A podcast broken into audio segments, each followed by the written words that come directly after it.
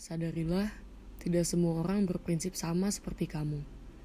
Berusahalah untuk lebih mendengar pendapat lawan bicara sebagai bahan untuk saling sharing, sehingga tidak ada istilah salah benar.